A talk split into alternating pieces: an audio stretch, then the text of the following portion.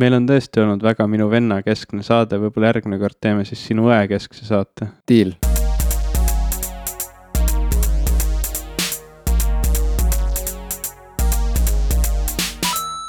oi tere, mina olen Jim Ashilevi. ja mina olen Ivo Krustok ja meie oleme Pop inimesed. inimesed, noh, ja oleme küll inimesed, tõsi. Äh, ja te kuulate popkulturiste. et ikka bränding bränding oleks esile toodud. ja, ja tõenäoliselt, kui te kuulate popkulturiste, siis te olete ka inimesed, ilmselt. kui te oleksite loomad, siis te kuuleksite ilmselt popkulturiste. sa ei tea seda, võib-olla nad kuulavad huviga. sa mõtled, et äh, võib-olla nad salamisi tõmbavad endale podcast'e lausa. ei no omanik, noh. et kui omanik kuulab, siis, siis loom ka kuulab. või niimoodi nagu, et meelega. loom ise nagu teadlikult isegi nagu valib endale vahel välja mingi podcast'i, mida kuulata ja kuulab okay.. ma jah, siin on nüüd see selline natukene ka keeleline küsimus, et mis on kuulamise ja kuulmise vahe noh, see on, see on nagu, ju lihtne, ei ole või? ma ei tea, ma ei ole keelega väga osav, nagu me oleme juba kordades selles podcast'is. Äh, ei, sa oled väga osav, viimati mina ei saanud arugi, et sa rääkisid tegelikult mur-, murrakus või murdes.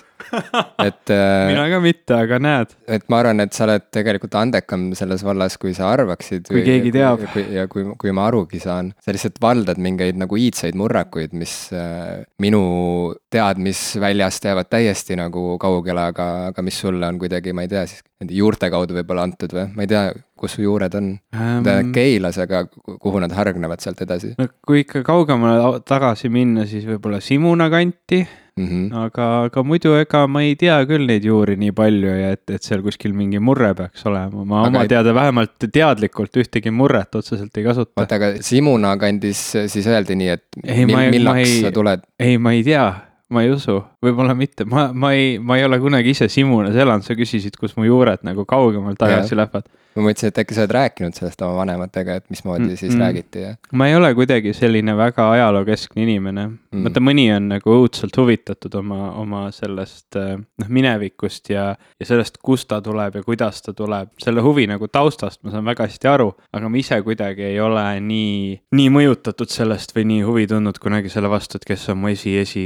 esi, esivanemad ja kust nad tulevad mm.. aga noh. no aga tore on vähemalt see, et vaata noh, kui sina peaksid siin nagu sugu jätkama, on ju, no kui see juhtub, on ju, et siis sa ikka siin järjest ikka ehitad seda kultuurilist monumenti selle podcast'i näol, et viiesaja aasta pärast su järglased ikka teavad, et nad nagu põlvnevad sinust, sest et kunagi elas selline mees nagu Ivo Krustok, kes tegi podcast'i viissada aastat, ma pean, ma pean siis võtma tõsiseid meetmeid ette, et vältida pitimäda. ja, ja, ja, ja, ja, aga me kindlasti ju teeme seda, et äh, vaata, nagu on need ajakapslid äh, mm. kirikutornide tipus, on ju, et sinna vaskpalli sisse pannakse siis mingisugused esemed sellest vaata, ajast. et me paneme muutuvad. ka kuskile kiriku otsa enda podcast'i niimoodi erinevates formaatides. mis kujul, mis formaadis täpselt, vot vaata, see ongi, kas seda faili saab enam avada, kas seda andmekandjat üldse saab lugeda enam viiesaja aasta pärast või? ei no aga ma arvan, et selleks, et täiesti kindla peale minna, me lihtsalt on ju valime välja oma näiteks kümme parimat episoodi lõpuks mm, -hmm. siis me laseme need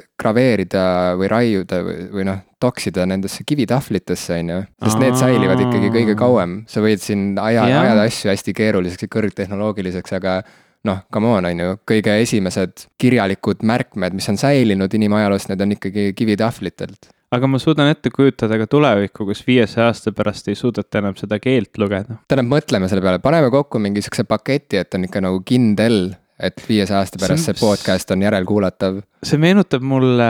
ja kõikide meie natuke... patroonide nimed me paneme ka, raiume no, sinna kivitahvli teisele küljele.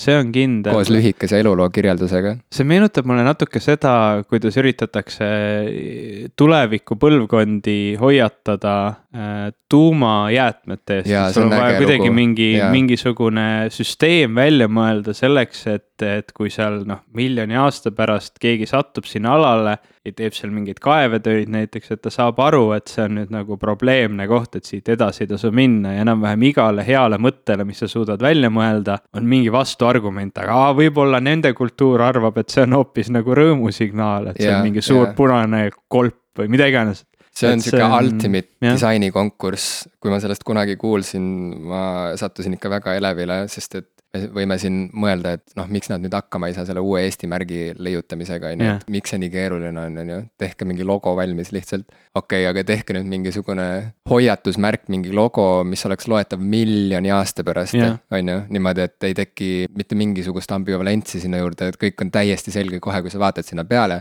ahah, siin on tuumajäätmed, siit edasi ei kaeva, lähme jookseme parem eemale et mis oleks see üks märk, see üks sümbol, mis seda nagu näidata saaks. oled sa nagu mõtteharjutusena kuidagi mõelnud, et mida sina disainiksid sinna? sa mõtled sinna tuuma? no just, et millise märgi sina teeksid või, või, või võib-olla see ei ole isegi märk, võib-olla see on mingi teine mõte sul, et kuidas? see on hea küsimus, äh, seda on väga, see on tõesti nagu selline asi, et noh, nagu enam-vähem igale asjale, mis sa, mis sa ette kujutad, äh, suudab mingisuguse vastulause teha ja kuigi mu esimene reaktsioon oleks püüda kuidagi lähtuda mingitest väga inimlikest hirmudest ja noh, ütleme surma ja, ja kaoga seotud sellised äh, sümbolid, mis on võib-olla pikemat aega suutnud ka meie enda kultuuriruumis säilida, siis tegelikult tegelikkuses ei pruugi üldsegi, üldsegi toimida, sest noh, ütleme kolp võib tähendada ka, eks ole, vaenlaste hävingut ja, ja mingi sihuke rõõmusõnum olla ja, ja noh, kõik siuksed asjad, mida võib-olla meie seostame pigem negatiivsete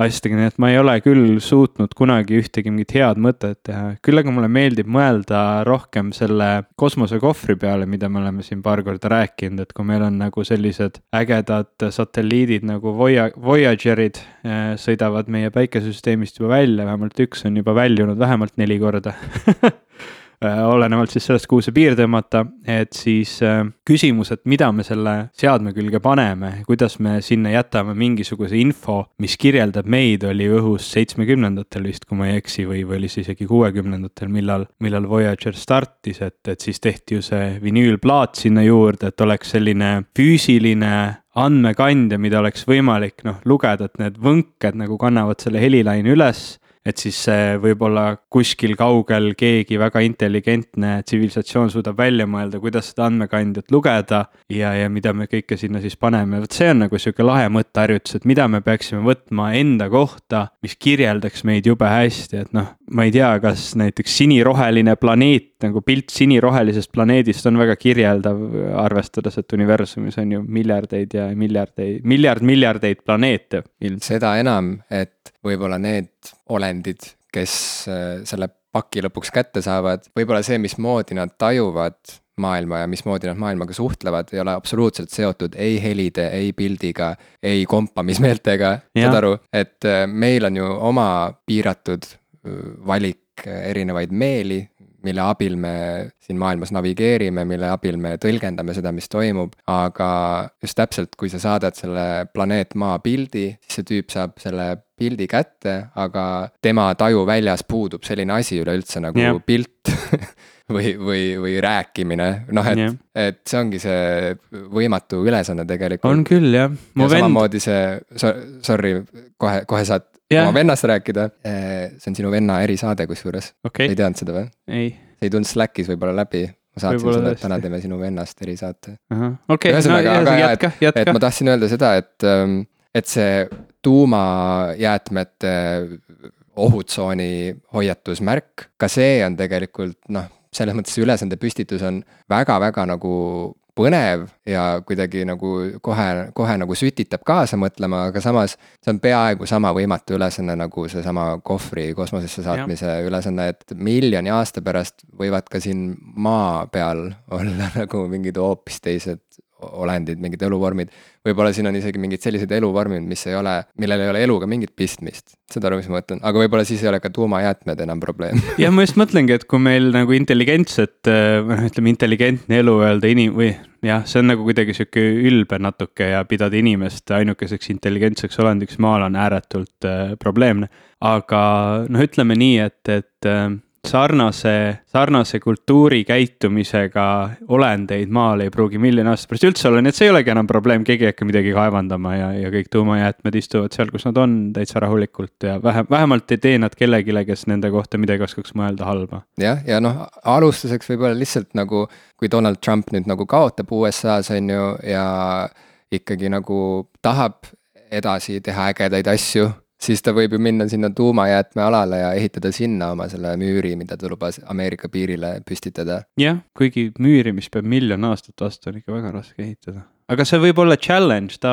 ta on väga võimekas mees kindlasti. ta on väga ja. võimekas mees, ma arvan, et kui keegi suudaks sellist müüri ja. ehitada, siis see on tema. just eelmise osa kohta meil mu vend kritiseeris, et, et miks sa saadad RuneScape'i äh, kosmosesse, et seal pole ju internetiühendust, nad ei saa mängida omavahel. ja ma püüdsin ka siis vähemalt enda aspektist siis selgitada seda, et, et noh, see see internetiühenduse puudumine on nagu minimaalne probleem, et see on, see ju noh, nendel ei pruugi üldse mingit taju olla või vähemalt taju selles mõttes, nagu meie seda mõistame, seesama Frank Zappa plaat võib neile kõlada nii ääretult halvasti ja, ja või, või, või isegi, ma ei tea, hukkavalt. ma ei kujuta seda küll ette, aga miks mitte aga tead, mida on lihtne lugeda no.? või, või tõlgendada või, või millest on lihtne aru saada? popkultuurist yeah.. ja, ja teatavasti popkultuuri juurde käivad igasugused vahvad asjad nagu tehnoloogia, muusika, musavideod. huvitaval kombel just sellest meie podcast ju räägibki, nii et yeah.. me peame liikuma kuidagi natukene. äkki asjade juurde, millest me oskame rääkida yeah Apple'i uus event. sellest võiks kohe pikalt ju rääkida, eks ole. jaa, aga mul on sulle selline ettepanek, et vaata, kõik räägivad sellest praegu. jah, ma ja... täna hakkasin kuulama kolme tunni pikkust diskussiooni sellel teemal, ma lõpuni ei jõudnud. Nonii, ja no kindlasti valdav enamus nendest diskussioonidest keskendub sellele, et noh, et no nendele tehnilistele detailidele, on ju, kus toimus edasiminek, kus ei toimunud, kas hind on õige, kas hind on vale, nagu ühesõnaga kõik, mis värvi see telefon on. et mul on sulle selline ettepanek, et võiks hoopis arutleda selle üle, et mis see Apple'i event üldse kultuuriliselt on või mida see tähendab, mida selline nagu uus rituaal meile annab, miks seda nii kangesti, nii, nii, nii, nii suure elevusega oodatakse nüüd igal aastal. mul tekkis selline paralleel, kui ma mõtlesin selle Apple'i event'i peale, et nüüd, kus inimestel on tekkinud sisse nagu see harjumus, et igal aastal see toimub, sellest on saanud peaaegu nagu mingisugune riigipüha, aga noh, mitte ainult mingi ühe riigi keskne, vaid noh, no võib-olla oleks palju öelda, et globaalne, aga no peaaegu globaalne, ütleme selline nagu riigipüha. et nii nagu igal, no nii nagu detsembri lõpus tuleb igal pool jõuluvana ja toob kingitusi, nii tuleb siis igal aastal Steve Cook või, või Tim Cook. Tim Cook. Steve, ma sulatasin kokku kaks nagu Apple'i suurmeest. The ultimate CEO, et ta on, ta on Steve Jobsi, eks ole, sellise jõhkruse ja, ja hea liidri omadustega ja tal on Tim Cooki majandusteadmised ja ta on, ta on nagu Steve Cook. ja ma arvan, et temast saaks väga hea superkangelase, me peaksime yeah. Marvelile maha müüma selle mõtte. jah, või DC-le vaatama, kumb rohkem pakub. ja no viskame nagu mõlemasse vette need õnge, õngekonksud sisse. ühesõnaga Steve Cook tuleb nagu jõuluvana igal aastal meile. mul oleks põnev kuulda sinu mõtteid selle kohta, et miks sellest on saanud mingisugune asi, mida mida inimesed ootavad täpselt samamoodi, nagu nad ootavad, ma ei tea, suvevaheaja algust, nagu nad ootavad jõule nagu nad ootavad oma sünnipäeva või aastavahetust, et äh, mida see nagu ütleb meie kohta või meie kultuuri kohta? ma arvan, et sa pingutad räigelt üle praegu, see fakt, et, et tehnoloogia ajakirjanikud ja tehnoloogia huvilised nohikud seda ootavad ja vaatavad, äh, ei tähenda kaugeltki seda, et inimesed laias, laias plaanis seda vaatavad, et see mängiks meie kultuuris mingi väga suurt rolli, kindlasti ütleme, Apple'i tooted Äh, mängivad meie kultuuris rolli ja mitte tegelikult ainult Apple'i tooted, vaid kogu see nutitelefonide nutiseadmete kategooriad on, on muutunud nii tähtsaks ja läbivaks, et, et reaalselt kõigi meie elu on nendest puudutatud ühel või teisel viisil, sest noh, olgem ausad, fakt, et Apple'i iPhone'id on võib-olla sellise ühe spetsiifilise telefoni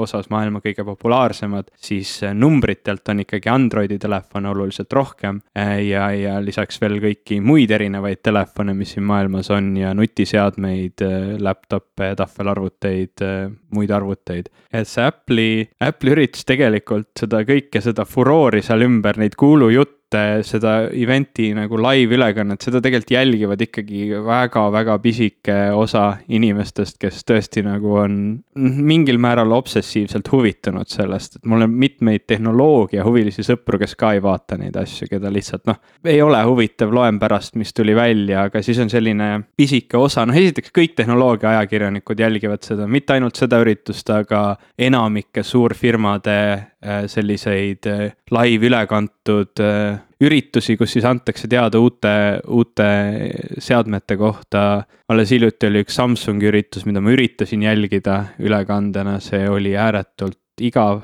kahjuks, seal tuli välja see Note seitse, mis nüüd kahjuks on inimestel plahvatama hakanud ja Samsung on nad kõik tagasi kutsunud. ja samamoodi ma olen vaadanud Microsofti üritusi, Google'i üritusi, Apple'i üritused, need erinevad ettekanded on minu arust üle aastate muutunud kuidagi igavamaks. eile oli tegelikult täitsa huvitav üritus ja kui nad selle iPad Pro välja tõid äh,, selle suure iPad Pro, siis oli ka täitsa põnev üritus. aga võib-olla see oli nagu selles mõttes põnev, et üks mu väga nohikus sõber kutsus mind külla, et seda projektooriga seina pealt vaadata wow, okay. mis oli nagu sihuke päris äge, äge ettevõtmine ja, ja võib-olla sellepärast on ta mul nagu rohkem meeles äh,. nii et me seal kahekesi istusime, sõbra naine ei olnud nii väga huvitatud ja mängis lastega. meie siis kahekesi jälgisime, aga, aga jah. aga ma arvan, et see ei ole isegi nii imelik äh, et sa seda nii uhkes setting us vaatasid suurelt ekraanilt projektoriga ja. algusest lõpuni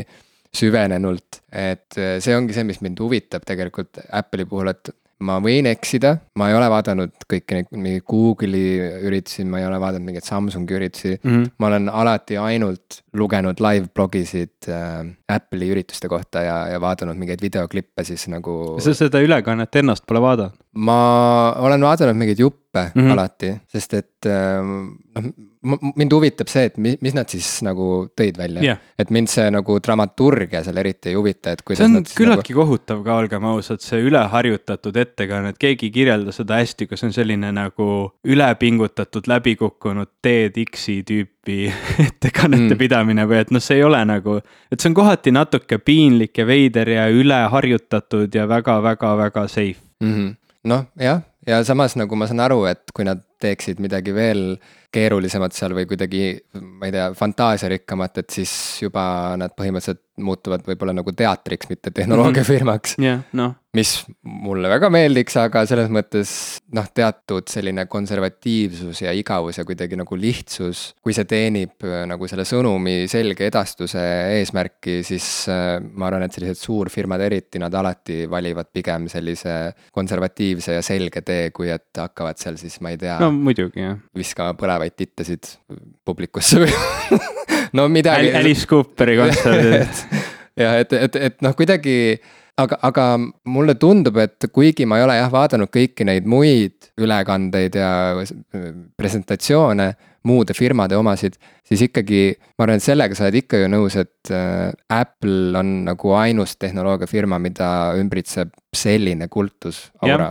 on ju. ma ise ei pea ennast kunagi või ma, ma kindlasti ei taha ennast pidada ühegi sellise tehnoloogiaettevõtte suureks fänniks kui, kui on üks ettevõte, mis mulle võib-olla kõige rohkem viimastel aastatel on huvi pakkunud, on see pigem Microsoft. ja, ja ma ei ole kunagi ennast pidanud suureks Apple'i fänniks, mul on tegelikult üks Apple'i seade, see on iPhone, selleks on mitu põhjust, mida ma ei hakka võib-olla hetkel pikemalt selgitama, me siin ühes osas juba rääkisime, kui raske see valik oli mm. -hmm. aga, aga ma olen alati vaadanud Apple'i üritusi ja seal on tegelikult see üks aspekt nende juures, mis mulle meeldib, ongi see, et need, need ettekanded on küllaltki safe'id. seal on oma siuksed klišeed ja neid klišeesid on alati väga põnev jälgida ja, ja alati ma vaatan Apple'i üritusi kõrval Twitter, sellepärast et yeah. vaadata, mida teised äh, inimesed äh,, mis nalju visatakse, see on nagu minu jaoks see kõige kõige lahedam hetk, kui jälle Johnny Ive hakkab mingile taustale rääkima oma maheda ja võrratu briti aktsendiga, siis keegi kohe viskab jälle mingi väikese nalja ja.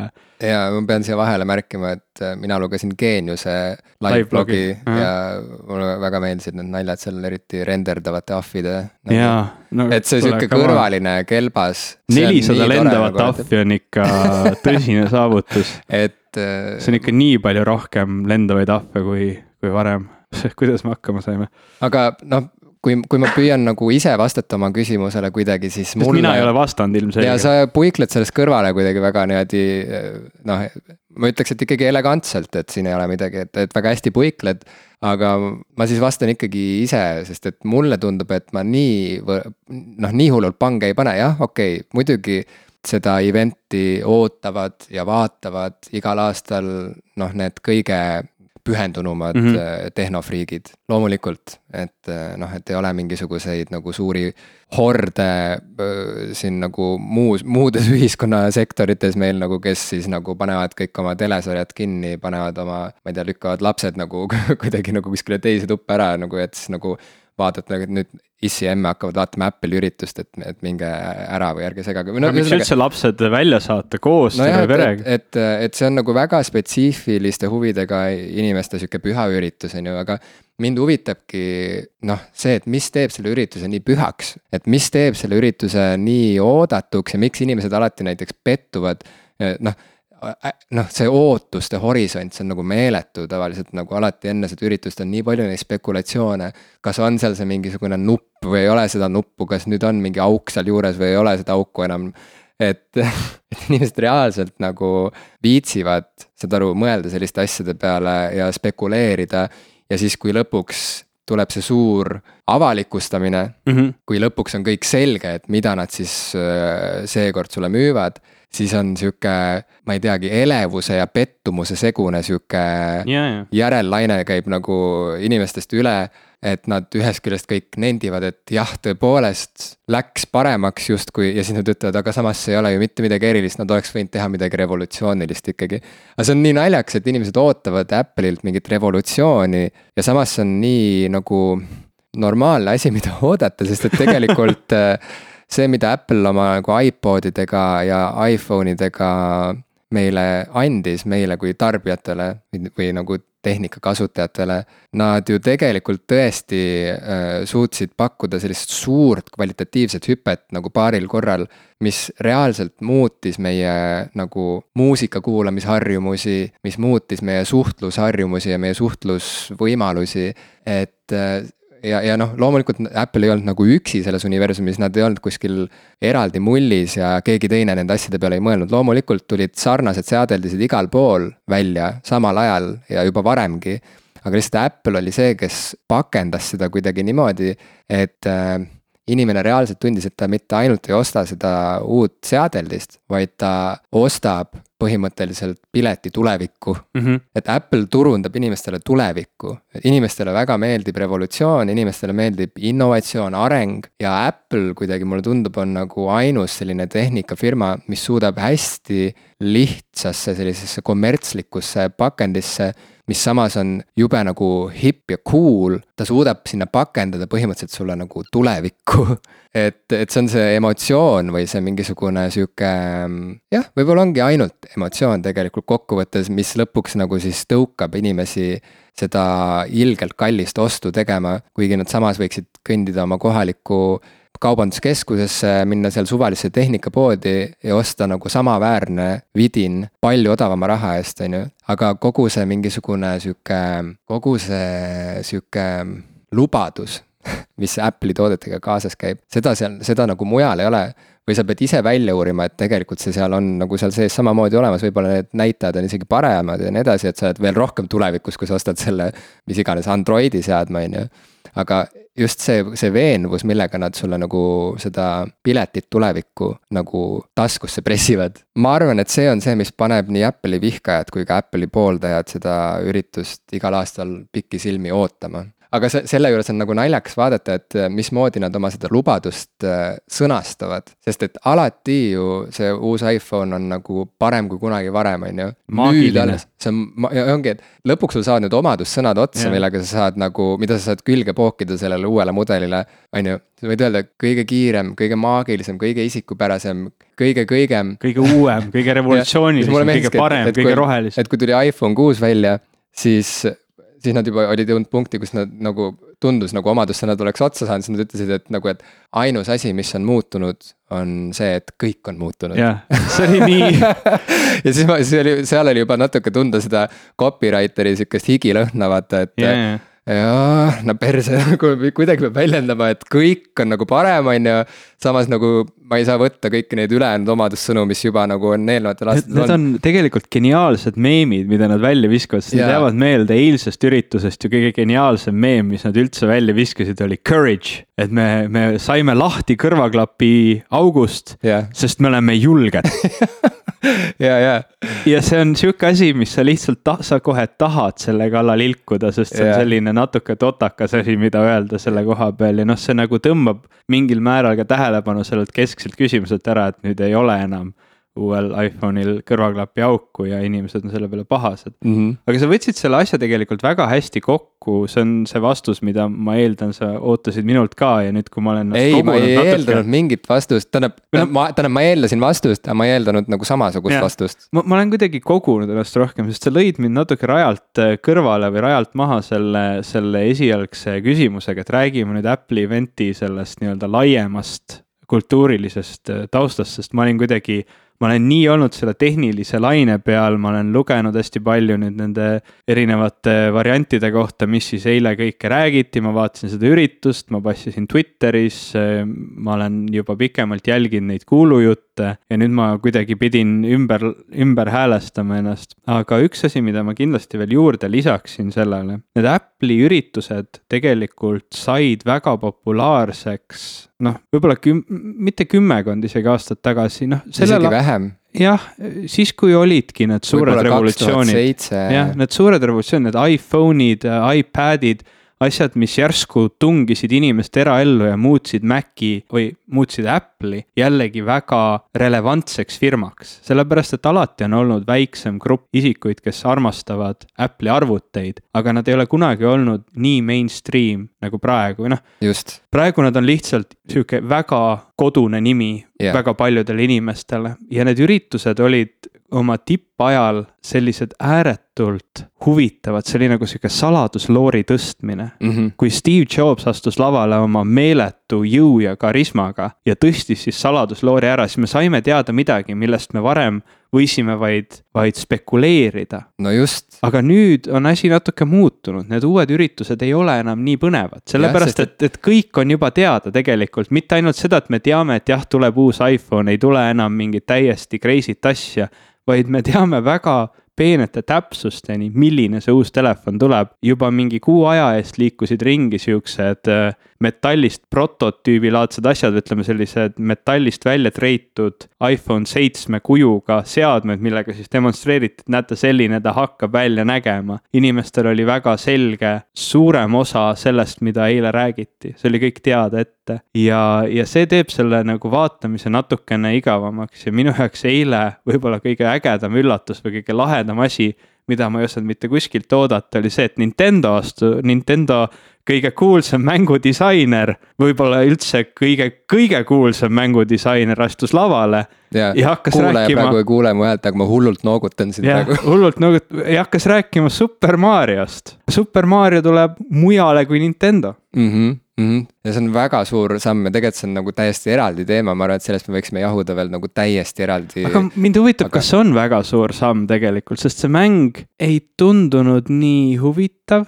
no ma ei ma sa ei saa, min-, mina, minult sa ei kuule muud midagi kui seda, et see on super huvitav ja ma kindlasti tahan seda mängida. sest ma olen ma nii rets Nintendo fänn, et siin ei ole mingit küsimust, vaata okay.. ja võib-olla, kui ma mängin seda, siis see tundub nagu ilgelt igav ja siis noh, vahet ei ole, aga. Usun, see on Nintendo jaoks mega suur samm ju saad aru, see on nagu, see on see, mida kõik on ette heitnud Nintendole, et ärge olge nii kinnised, ärge olge nii nagu konservatiivsed, et see konsooli business, see, see muutub ajas, on ju, mhm. et te olete oma nagu mõtetes kinni seal oma, ma ei tea, kaheksakümnendate lõpus või kuskil võib-olla nagu natuke nüüd see Wii oli ka selline suur mm. -hmm sihuke jokker hüppas kaardipakist yeah. välja, on ju, et siis te arvasid, et nagu, et äh, saab korrata sedasama mustrit pidada, aga et äh, umbes, et tulevik on tahvelarvutid, mobiil, noh, telefonid ja nii edasi, et te peate liikuma sinna ka edasi, on ju, et ei saa ennast nagu ära kapseldada, et, et noh et kõik nagu ütlesid Nintendo'le seda ja Nintendo oli väga jäik ja põikpäine ja kuidagi ei tahtnud minna selle vooluga kaasa.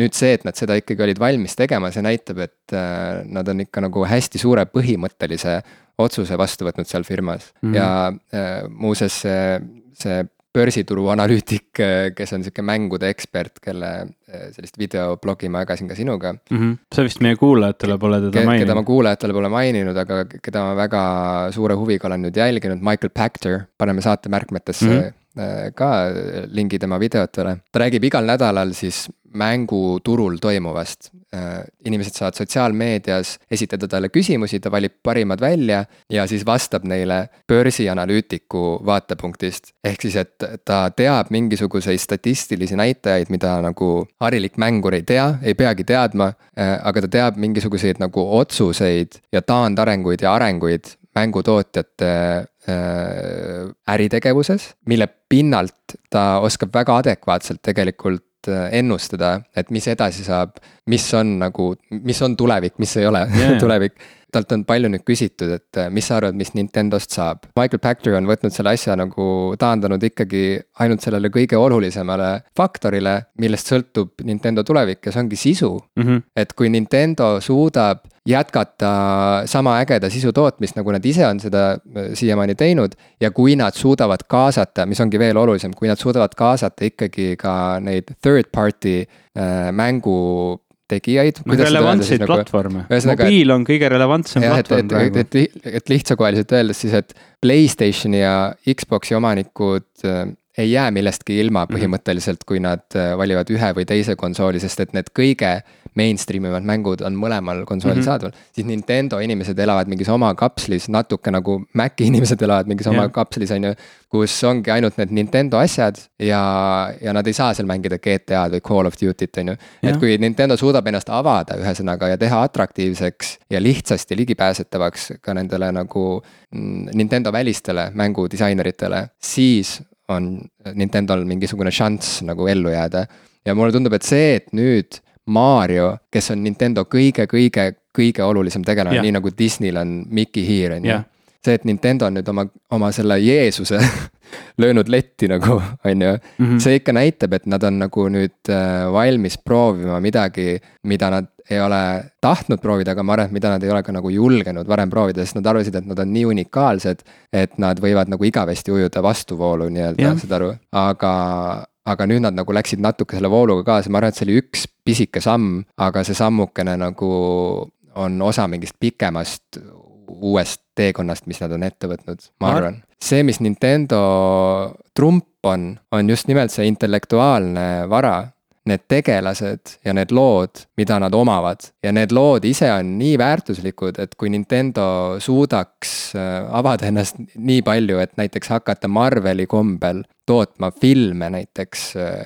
Pokemonidest, Mariost, Zeldast, saad aru, neil on nagu kõik uksed tegelikult avatud, nad lihtsalt ise ei ole, nad on olnud ise nii konservatiivsed, et nad. sa ei ole, sa ei ole neid endale. Mario sarju ja filme näinud, neid live action?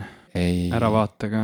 ma arvan, et see ei ole mingi tõsine asi ka või? no need olid see... ikka oma, omal ajal tõsiselt tehtud, ma ei tea, äkki see oli kaheksakümnendatel või üheksakümnendate alguses tehti nii-öelda Mario telesarju ja, ja mingi film oli ja need on kohutavalt halvad. No igal juhul, et, et nad on väga ettevaatlikud, mida ei saa ju nagu väga hea, kui, kui no, sa oled ettevaatlik, on ju. aga kui see ettevaatlikkus nagu hakkab sind tagasi hoidma, kui see enam ei lase sul areneda, siis see on probleem ja tundub, et Nintendo on nüüd olnud mõnda aega silmitsi, on seisnud selle probleemiga mm. ja nüüd nad proovivad lihtsalt mingeid erinevaid asju.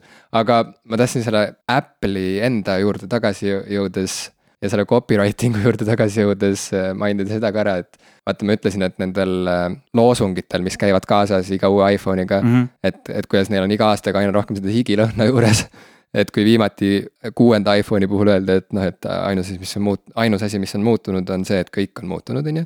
siis nüüd mulle meeldis väga see, et iPhone seitsme puhul see slogan siis või see hüüdlause või see tunnuslause oli this is seven. jah, ma lugesin ka seda This is seven. lihtne ja lakooniline. sest see on täpselt nagu, et kui juba see eelmine tundus nagu nii pingutatud, see on nagu, et nagu, nagu siis, kui hambapasta vaata saab otsa ja. ja sa kogu aeg unustad poest uut hambapastat äh, tuua. ja siis sa nagu kaks nädalat pigistad sealt, sealt täiesti tühjast tuubist, pigistad ikka välja veel mingisuguseid hambapasta molekule endale sinna nagu hambaharja peale, et siis tundus, et see ainus asi, mis on muutunud, on see, et no kõik on muutunud, see tundus küll alati see viimane molekul, mis sealt hambapasta tuubist välja, välja tuleb ja siis nüüd. kus kõik omadussõnad, kõik lubadused on nagu välja hõigatud juba nende aastatega, siis nüüd jäigi üle ainult nentida, et. nojah, et noh, see on nüüd siis see seitse. järg, järgmine aasta on lihtsalt the iPhone punkt. või, või lihtsalt, et müügil. müügil. Now no. in stores near you ja ongi nagu, et ja kuidagi poeetiline on mõelda, et kui, kui me nüüd mõtleme, kui, kui, kui Apple ikkagi läheks äh, rohkem teatraalseks ja lubaks endale crazy maid presentatsioone ja läheneks ka oma ärile kuidagi niimoodi, see sama vabadusega nagu, millega kunstnik võib läheneda mm. oma kunstiteosele, ehk siis, et ta võib selle ka põlema panna, kui ta tahab ja tunneb, et aeg on, aeg on ümber saanud et siis ka Apple võiks lihtsalt äh, näiteks NO teatri kombel hoopis hakata nummerdama oma telefone kuidagi noh, tagurpidi näiteks nüüd, et lähevad nagu tagasi, jõuavad näiteks kümneni välja ja siis hakkavad tegema jälle nagu üheksa, kaheksa, nii et inimesed teavad, et see asi saab varsti läbi ei tule enam mingit revolutsiooni yeah., on ju, see juba oli ära, rahunege maha, nüüd juba tuligi see kõige ägedam telefon, mida te veel tahate nagu yeah.. nüüd, nüüd, nüüd hakkavad need nii-öelda performance graafikud yeah. langema vaikselt, eks ole. jah, disain läheb hästi ilusaks, nostalgiliseks võib-olla või mis iganes, aga igal juhul, et, et kõik teavad, et äh, järele on jäänud veel seitse iPhone'i, on ju seitse aastat. kõik on kehvemad kui eelmised. jah, aga no mingi müügiargument peab ka ikkagi olema, aga noh, ühesõnaga, et, et see asi lõpeb ära nagu. et nad kuidagi ei oota, et nad ei oota ära mingit nagu sihukest aeglast hääbumist vaid tunnistavad endale ka, et nojah, ei noh, me tegime ju ära tegelikult selle revolutsiooni, lähme nüüd siis nagu sinna lõppu, võiduka lõpuni, paneme punkti sellele asjale ja siis tuleb välja see kõige viimane iPhone ja siis tagline on this is it. jah, this is the end This is, this is the end ja ongi kõik, iPhone the end. kusjuures seda tuubi pigistamist oli väga selgelt kuulda ka Johnny Ive eh, nendes eh, tema nii-öelda nendes, no, no Johnny Ive'i videod, need ongi lihtsalt põhimõtteliselt Johnny Ive'i videod, kus siis pannakse. mainin siia kõrvale, et Johnny Ive on siis see, kes on teinud viimaste iPhone'ide kujundused. no mitte viim-, ta on Apple'i peadisainer olnud juba väga-väga kaua aega, ka esimestest iPhone idest alates. nüüd ta lihtsalt kujundab ka kasutaja liideselemente, vara, varasemalt ta siis tegi peamiselt äh, riistvara. aga Johnny Ive on sihuke noh, Apple'i inimesed teavad, ta on olnud ju legendaarne tegelane, keda alati videodes vanasti näidati sellises valge taustaga ruumis, kus ta lihtsalt oli ümbritsetud valgest ja ta rääkis neid ülivõrdes omadussõnu, kui maagiline ja kuidas ta tunneb, et hommikul, kui ta ärkab, siis see seade on tema ümber ja lähedal ja, ja see metall, mis tema naha vastu puut-, noh. ühesõnaga sihuke, no see oli ikka küllaltki juustune mm -hmm. alati ja, ja mida aeg edasi, seda juustusemaks ta läks. ja nüüd noh, Johnny Ive enam ekraani ette ei lasta, ma ei tea, kas ta ise ei taha enam või on ta kuidagi vanaks jäänud Apple'i arvates või, või ei ole enam nii kommertsnägu sealjuures, aga, aga ta loeb peale, tal on selline ääretult mõnus briti aktsent, et ta võiks lasteraamatuid lugeda tulevikus ehm, keegi tegi selle nalja eile ja lugedes. ja Hans Lõugas tegi Geeniuse live-blogis selle nalja, et võiks BBC-s hakata Ke. üks, keegi tegi, ma lugesin nii mitmest kohast. võiks hakata BBC-s vist nagu kuuldemänge et äh, võimalus oleks, eks ole, ja, ja need laused, mis ta see aasta ütles, seal oli ikka mõni päris lahe pärl nagu, et mu lemmik oli, et see on kõige, kõige edasijõudnum iteratsioon sellest disainist. ehk siis noh, et sellest, sellest disainist, selle telefoni disainist, see on nüüd see kõige uuem versioon mm. -hmm. nagu nojah jah, aga vaata, see ongi nagu, aga see on nii kihvt, et kui ta seda päriselt mõt-, kui ta mõtleb seda siiralt ja see ei ole mingisugune nagu ette kirjutatud mm -hmm. mingisugune näidend tal, mida ta esitab, on ju. ja noh, ma millegipärast kaldun arvama, et ta pigem vist jah, fännabki seda oma disaini nii hullult, et ta nagu saabki rääkida sellest asjast siiralt mm. -hmm. et, et siis see on nagu äge ikkagi, sest et see inimese enda, vaata, minu meelest see on küll üks asi, mida näiteks loomingulised inimesed, mis on üks suuremaid väljakutseid neile elus. on see, et julgeda olla omaenda loomingu fänn mm -hmm. ja eriti on selline nagu häbi juurdunud sisse eestlastesse, minu arust et, et siin on nagu kuidagi piinlik inimestel nagu avalikult välja öelda, et nad on näiteks rahul millegagi, mis nad nagu ise on teinud. et nad ise päriselt fännavad oma mingisugust nagu, ma ei tea, mis iganes nagu puukuuri, mis nad ehitasid endale aeda, on ju, või, või siis sealt edasi minnes, et nad. et nad on ise nagu tohutult oma mingisuguse oma, oma bändi fännid näiteks. Nagu, nagu näiteks meie oleme väga uhked popkulturistide üle just, et inimesed kardavad, et siis nad tunduvad kuidagi nagu ülbed ja enesekesksed ja ma ei tea, nagu pimedad põhimõtteliselt nagu, nagu nägemaks, et. et teised ju teevad palju paremini, on ju, aga, aga kui keegi räägib sulle, et see on nüüd selle disaini nagu kõige edasiarenenum iteratsioon, on ju. Mhm. ja ta mõtleb seda tõsiselt, siis see meenutab mulle seda, kui mu sõbrad käisid kunstikoolis ja Leonard Laapin äh, õpetas neid tõmbama täiuslikku joont, mhm. on ju, et tunni sisu oli see, et lihtsalt oli tühi paber ja terve klassiruumi täis kunstitudengeid tõmbasid ühte joont sinna paberile. kõrvalseisjale, kes ei huvitu kunstist või lihtsalt mm. ei ole harjunud mõtlema nende teemade peale. see võib tunduda nagu mingi kõige mõttetum asi, mida koolis teha, et miks te sellepärast ülikooli läksite, et tõmmate paberi peale joont. seda ideaalselt otsima. aga, aga nii see on, et on olemas mingisugused olemuslikud kvaliteedid, mida inimesed tajuvad ära, kui neil on selleks annet. kui nad on harjunud mõtlema nagu nendes registrites või, või nende konkreetsete väga spetsiifiliste teemade peale. ja nüüd, kui see disainer Johnny Ive on ju, on seal Apple'is tööl ja juba nii pikalt on olnud seal tööl, siis järelikult teda väärtustatakse ja järelikult tal on ikkagi mingisugune tunnetus äh, mis nagu noh, saad aru, mis, mis, mis äh, ajab teda ennast ka nii elevile et ta reaalselt saabki nagu rääkida mingisugusest kuradi telefonikorpusest niimoodi, et me nüüd jõudsime täiusele lähemale. samas kui tavakasutaja jaoks see on lihtsalt äh, seesama telefon, mis igal aastal välja tuleb.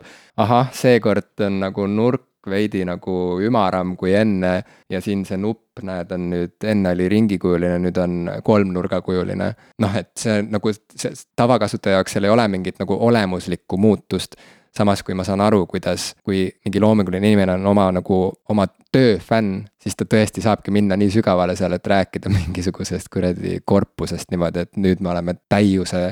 me oleme nüüd jõudnud täiusele millimeetri kaugusele, lähedusele nagu. jah, ma täitsa saan, saan aru sellest mõttest ja see on väga, väga hea viis seda tõlgendada, aga, aga jah, neid Johnny, Johnny Ive'iga videosid vaadates on alati selline kuidagi väga, väga veider tunne seal kõrval, kui ülivõrdes ja kui maagiline ja kui lahe see kõik on, aga ma olen väga õnnelik, nad ei ole kaotanud ära neid, need ei ole ka alati olnud, minu arust viimased paar aastat on küll olnud videod, mida mina kirjeldan how it's made porn.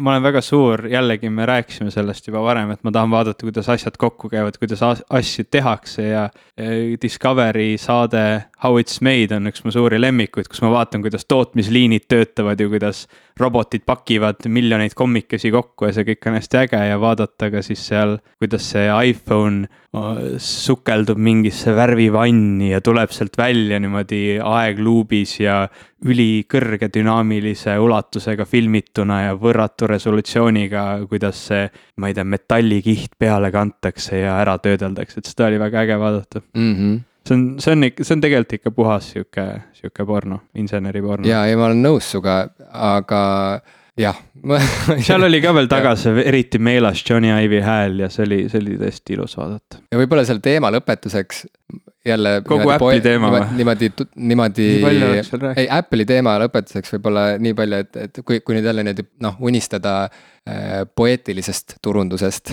või poeetilisest tootedisainist. oleks ju väga kihvt tegelikult, kui sellised suured äriettevõtted, sellised suured tehnika, tehnoloogia gigandid, kui nad saaksid endale lubada tegelikult seda, et nad ei ole kohustatud ütlema iga kord, et nüüd nad jõudsid maailma tippu, et nüüd nad tegid kõige parema vidina, mis on eales siin planeedil Maa olemas olnud, on ju. et mõtle, kui tore see oleks, kui nad saaksid lihtsalt öelda, nii nagu mingid bändid okei okay,, bändid ka tavaliselt nagu kohe albumi välja tulles ei ütle, et noh, et see on meie nüüd üks keskpärasemaid albumeid. no seda sa loed pärast äh, eluloo raamatust yeah,, vaata yeah. kui bändi kitarrist või solist või keegi nagu siis vaatab tagasi oma elule ja karjäärile ja siis mina olin alati vastu. ja siis ta räägib nagu, et jaa, vaat seal sel perioodil, sel dekaadil me olime kõik omavahel tegelikult tülis ja hästi imelik äh, suhtlus oli bändis yeah. ja ja ma ise neid selle perioodi, perioodi albumeid üldse ei suuda enam kuulata ja noh yeah,, vaata, et tagasivaates nad nagu ütlevad seda, aga mõtle, kui tore see oleks, kui nagu lihtsalt Apple'i järgmisel event'il tuleb välja siis iPhone, ma ei tea, seitse S on ju, ja siis nad ütlevad, et well, we took a step backward this time nagu, et umbes, et me, me no,. Apple ei tunnista aga, vigu, olgem ausad. ma räägingi, et, et kui unistada sellisest poeetilisest mm -hmm. võimalusest lihtsalt öelda, mida nad nagu päriselt arvavad. ja, ja, kusjuures see oleks ja, väga et, huvitav et, ettekanne. ja see oleks nagu super ja, ja see lööks laineid jälle, et ongi, et, et jälle siis Apple teeks revolutsiooni, et see revolutsioon on see, et nad ütlevad, et äh, see, me ei teinud revolutsiooni jah, Samsung seekord tegi nagu parema telefoni, tuleb au anda, see oli tegelikult Samsung. päris äge, äge telefon. kutsume lavale Samsungi esindaja, palun, ja siis tuleb nagu sihuke pooletunnine Samsungi presentatsioon, kus nad räägivad, kuidas nemad tegid seekord kõige parema asja. sihuke aus maailm, mõtle, kui tore oleks elada lihtsalt ausas maailmas. aga jah olgem ausad, see põhjus, miks ma vaatan neid üritusi iga aasta. meie saame olla ausad, see on tore või, või kaks korda aastas on see, et, et ma tegelikult iga kord ootan midagi, mis mind üllataks, iga kord ma ootan seda one more thing mm. -hmm. ja, ja mul on ääretult hea meel, kui see tuleb, ma olen järgmine päev nii elevil ja nii, nii rõõmus ja ma mäletan vist viimane sihuke tõsiselt suur asi oli, kui Microsoft tõi oma HoloLensi välja, see oli täiesti sihuke asi, mida keegi ei osanud kuskilt oodata. sellist asja lihtsalt ei olnud, keegi ei mõelnudki selle peale. Microsoft tegi oma ettekannet nagu ikka, nendel ei ole nad kunagi nii peensusteni välja treitud kui Apple'il ja siis järsku tuli sihuke asi mis on, noh, mis see HoloLens siis on, see on põhimõtteliselt selline kiiver, mida sa kannad peas, ta on natuke nagu need virtuaalreaalsuskiivrid, aga see on nüüd siis see liitreaalsuskiiver, ehk siis sa näed oma tuba enda ümber või, või seda keskkonda, kus sa oled. Eh, ja, ja see, need prillid siis genereerivad sinna keskkonda virtuaalseid elemente, ehk siis demod, mis nad tegid, olid, et sa saad oma lauale terve Minecrafti maailma kuvada ja siis ümber selle kõndida ja, ja seal asju teha ja seda näha esimest korda midagi sellist tõsist üllatust oli tõesti väga äge.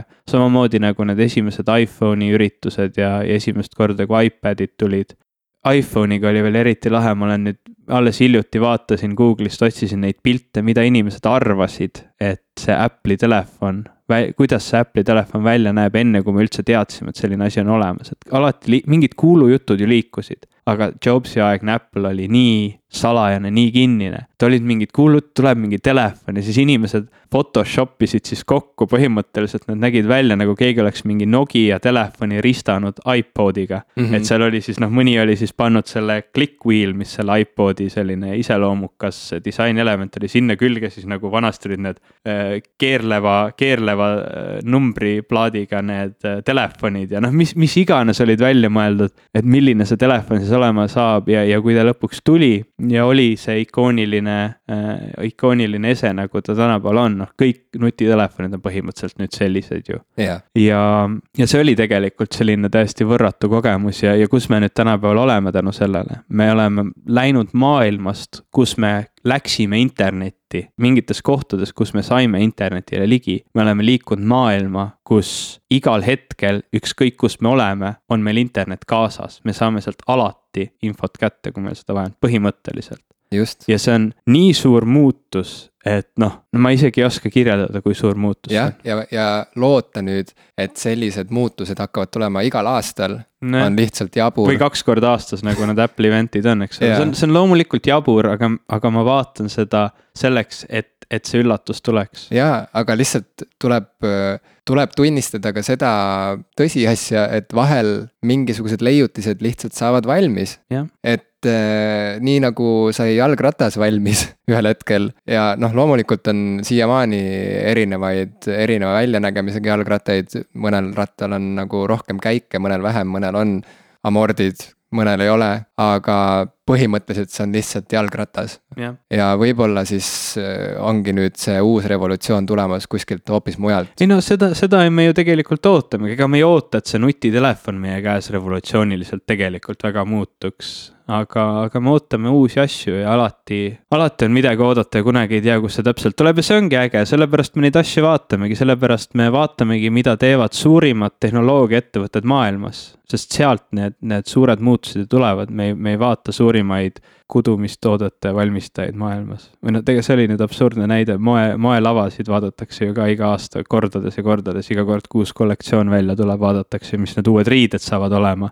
Äh, ja see on ka nagu sihukestele entusiastidele ju peamiselt aga, aga just, et jälgida, jälgida ja olla kursis nende tuultega, mis tehnoloogiamaailmas puhuvad ja, ja tabada ära see, see revolutsiooni hetk on minu jaoks nagu väga äh,, väga põnev ja, ja seetõttu ma ei vaatagi mitte ainult Apple'i üritusi äh,, vaid ka neid teisi suur, suurettevõtete üritusi ja, ja seda me ju kõik ootame tegelikult, seda järgmist seadet, mis meie elu muudab.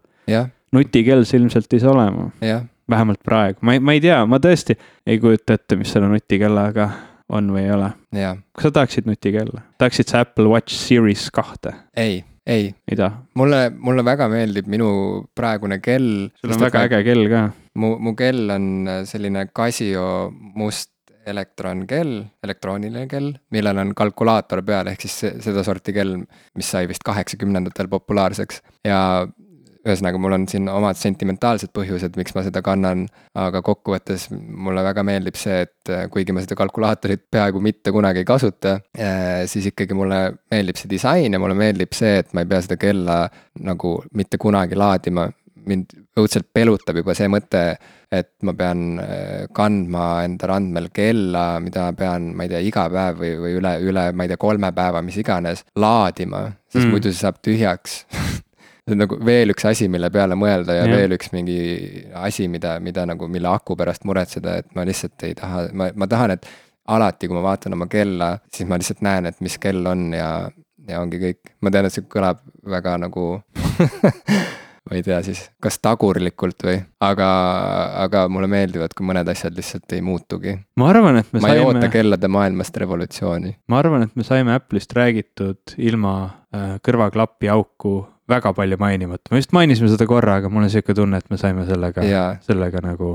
sellest kõrvale hiilitud, nagu ja. ütles kunagi John Cleese Fawlty Towersis. ja ma olen ka rahul sellega, et ma sain sult ikkagi mingisuguse vastuse selle kultuurilise tähenduse kohta, nii et. ma söön nüüd Aitäh. seda roosat kindermuna, mis sa mulle tõid selle, selle, siis kui sa mulle külla tulid. jah, söö see muna ära ja siis võtame ette järgmise teema ma tegelikult kõige huvitavam ongi, miks sa mulle selle muna tõid, sa tahtsid mind premeerida, et ma, ma olen su raamatut lugenud, aga ma ei ole tegelikult veel väga kaugele sellega jõudnud. no palju sa oled lugenud seda um,? kolm lehekülge? kolm peatükki. kolm peatükki, no see on juba see, see on juba, see juba täitsa on midagi. ma olen alati väga frustreerunud, kui kiire lugeja on mu naine, tema on selle raamatu juba läbi lugenud. kõigil on hästi mõnus kuulata, kuidas sa mugid mm -hmm. šokolaadi, aga samas vaatame ju. raadioeetris seda ei, no, ei teeks. aga vaata. me vaatame oma Patreonis ju ka hõikasime välja miks meil on vaja oma kuulajate toetust, on ju, et meil on vaja oma tehnilisi kulusid katta, transpordikulusid katta ja meil on vaja osta šokolaadi mm.. ja nüüd siin me istume, on ju, meil on. šokolaadiga. jah, šokolaadiga, šokolaad näpus, tuju hea kõik läks paremaks. nii et aitäh meie toetajatele, kasutan võimalust neid tänada ja kummardada. endiselt ma olen väga üllatunud ja väga õnnelik, et, et te meil et te meil olete, et te meid toetate. aga sa oled lugenud kolm peatükki minu raamatust, aga juba sa kirjutasid mulle, et sa kirjutad väga ilusasti, Jim. et sulle siis piisas juba väga vähesest, et veenduda, et see raamat on väärt lugemist või?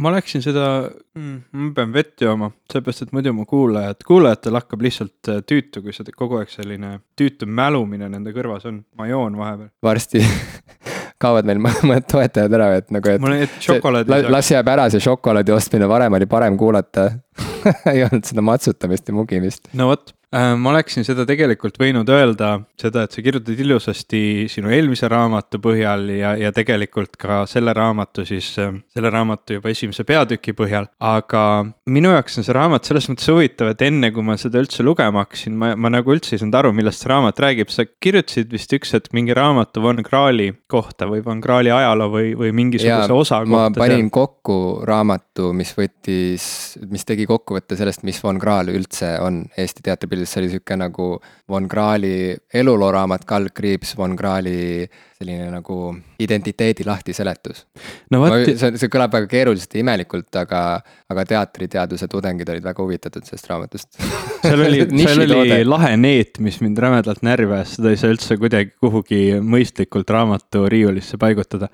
aga, aga seda kuuldes pealkirja Armastuskirjad teatrile. armastuskirju teatrile. armastuskirju teatrile, ma vabandan. Pole hullu ähm,, räägi edasi. siis äh, mul tekkis põhimõtteliselt samasugune ettekujutus sellest raamatust, tegelikult ma ei, ma üldse ei saanud aru, millest see raamat on või kuidas see raamat on kirjutatud, sest ma ei ole selle kirjaseeriaga tutvunud, mis Petrone prindil on. no ma siia võib-olla ka lükkan vahele lihtsalt seletuse kuulajatele, kes nagu sina võib-olla. no sinnapoole rihing jah, et. ei ole tuttavad selle sarjaga, et nii nagu Petrone print varem andis välja kuulsusrikast raamatusarja ja annab ka siiamaani edasi mille pealkirjad olid alati algusega minu, et minu Alžeeria, minu mm, -hmm. minu London ja nii edasi, et kus inimesed noh, kohe sa said aru raamatule peale vaadates, et ahah, see on reisikirjeldus. on ju, et inimesed mhm. räägivad mm -hmm. teistest maadest ja kultuuridest. nüüd see kirjade sari on põhimõtteliselt äh, sari raamatutest, mis koosnevad mõtisklustest või kirjakestest mingil teemal. ja minul paluti kirjutada teatri teemal ja see ongi selline raamat, et ühesõnaga, et, et tegelikult väga lihtne, aga ma saan aru, et see on natuke vähem nagu äh, ilmselge kohe peale vaadates, kui oli see minu sari, mis avas oma mõtet nagu kohe inimestele peale vaadates, aga jätka. See on selles mõttes hästi huvitav, et see on ju tegelikult või noh, mitte tegelikult, see kõlab nüüd hästi-hästi lollakalt, see on ju tegelikult äh, väga isiklik raamat sinu tunnetest mingi asja kohta, mis, mis mängib sinu elus väga olulist ja tähtsat rolli, on mänginud ja ilmselt mingil määral mängib ka edaspidi. ja seetõttu see ongi nagu kuidagi sihuke noh, nagu eluloo raamat ei ole hea öelda, aga see on nagu kuidagi sihuke killuke inimese iseloomust, inimese sisemusest, inimese elust ja tema tunnetest ja mõtetest mingisuguse väga olulise asja suhtes ja, ja sealt tõttu siis ka kogu, kogu ümbritseva elu suhtes, et seda on just nagu sellest aspektist väga huvitav lugeda, et et see teatri aspekt minu jaoks ongi nagu kuidagi teisejärguline, et see võiks olla raamat ükskõik mis muust vägagi sihukesest suurest teemast inimesega, kes on sellega väga tugevalt seotud, et, et see nagu, see, see isiklik pool, see, see, see nüüd on teine raamatuseeria küll, aga see minu pool, seal on nagu palju olulisem ja, ja palju huvitavam mm. -hmm. aga kuna see raamat mulle, mulle kohe väga, väga vara näppu pisteti, ma vist vaatasin Instagramis seda videot, kus, kus sa esimest korda ise selle ähm, kirjaniku trüki kätte said yeah.. see oli väga huvitav video, sest sa panid koodi valesti sisse ja, ja uks avanes. see on nii loll, see oli nii loll juhtum, ma võin rääkida pärast, mis seal nagu juhtus. no igatahes ma nagu selle, selle video peale nagu mainisin, et jah, et peaks ka nagu minema, minema vast raamatut ostma üks päev ja siis mu naine andis selle mulle kätte. nii et noh, meil on ta majas olemas ja ma olen teda kolm peatükki lugenud, mis, mis on veel vähe, aga küllap ma järgnevatel kuudel ja aastatel loen ta läbi, arvestades minu lugemise kiirust. jaa no aga sina, sina lugesid ta läbi ju. kümne tunniga. kümne tunniga, eks ole, valjult teistele ette. miks? raamatu esitlused on lihtsalt kohutavalt igavad üritused reeglina.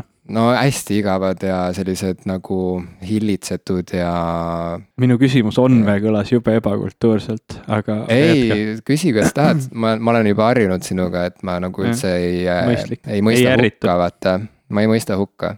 mõistlik aga pealegi ma, ma viibin praegu sinu kodus, kui ma siin hakkan mingit nagu hukkamõistu nagu siin äh, harrastama, siis äh, mind visatakse siit vist üpris kiiresti välja ja edaspidi sa teed seda saadet üksi edasi. Ma ei ole sihuke suurem asi väljaviskaja, ma kardan, et kuulajanumbreid ka väheneksid, see oleks nagu pooleks võib-olla, ma ei tea, võib-olla mitte isegi pooleks, võib-olla rohkemgi, kes seda teab me võime muidugi katsetada. ma selle ilu, ilu, ilusa keele osas veel mõtlesin kohe seda, et sa, sa kirjutad nii ilusasti, ilmselgelt siin podcast'is sa ju siis ka räägid nii huvitavalt, ilusalt, et, et kus ja see minu huvit... koht siin kõrval on. ma nagu tundsin ennast ongi... nii alaväärsena siin kõige juures. ei, aga huvitav ongi nüüd nagu praktikas teada saada, et rääkida ma absoluutselt ei oska. aa, no vot nii et äh, võib hakata kahtlustama, et mul on see ghostwriter palgatud. aa, vot kes teab. kuidas seda eesti keeles öelda, vaimkirjanik, kummituskirjanik kummituskirjanik mul on kummituskirjanik olemas, äh, kes mm. teeb minu eest tööd. Ingrid. Peigi uus raamat Kummituskirjanikud okei okay,, igatahes mina lugesin jah selle raamatu Tartus kümne tunni jooksul ette inimestele, mitte üksi, vaid koos oma väga heade sõpradega, kes on samuti läbi imbunud teatrist ja kes on olnud minu kaasteelised sellel väga imelikul ja käänulisel ja ja seikluste rohkel teatriteel. jah, ma alati, kui mul tuleb mingisugune uus teos välja, siis ma pean mõtlema natuke ka turunduse peale. või noh, ma ei pea, aga see, see, see, see, et see teos tuleb välja, see tõmbab mind käima ja, ja ma tahan nagu ka ma, ma tahan nagu olla selle teose kõrval, selle teose edasises elus. noh, nii kaua, kui ma saan, nii kaua, kui ma ela, elan, eks ole, et see on põnev mu jaoks lihtsalt, on ka autoreid kes üldse ei anna ennast näole, näiteks noh, USA üks võib-olla kuulsamaid tundmatuid kirjanikke, anonüümseid kirjanikke on ju Thomas Pynchon mm, -hmm. kellest eksisteerib vist ainult üks foto mingi kuskilt vist nagu teise maailmasõja päevilt on ju, kus ta on seal mingisuguse madruse mütsiga või midagi sihuke nagu no sihuke sihuke hägune mm -hmm. mustvalge pilt ja, ja ta ju näiteks on Simpsonites üles astunud. ah, tal oli see kott peas, eks ole, pruun, pruun paberkott. Et ühesõnaga seda on võetud mängu ja sellest on saanud omaette tema mingisugune sihuke turundustrikk on ju mõnes mõttes. aga noh, mul on hilja nagu seda kotti pähe panna meenub ka Genka ja Paul Oja lugu, selle jaoks on meil ju paberkotid. ühesõnaga, mulle võib. no sa oled kena poiss, ei ole võib-olla ei no mulle, noh, aitäh, aitäh. mees, vabandust. mis iganes, kutsu mind kuidas iganes okei, Jim.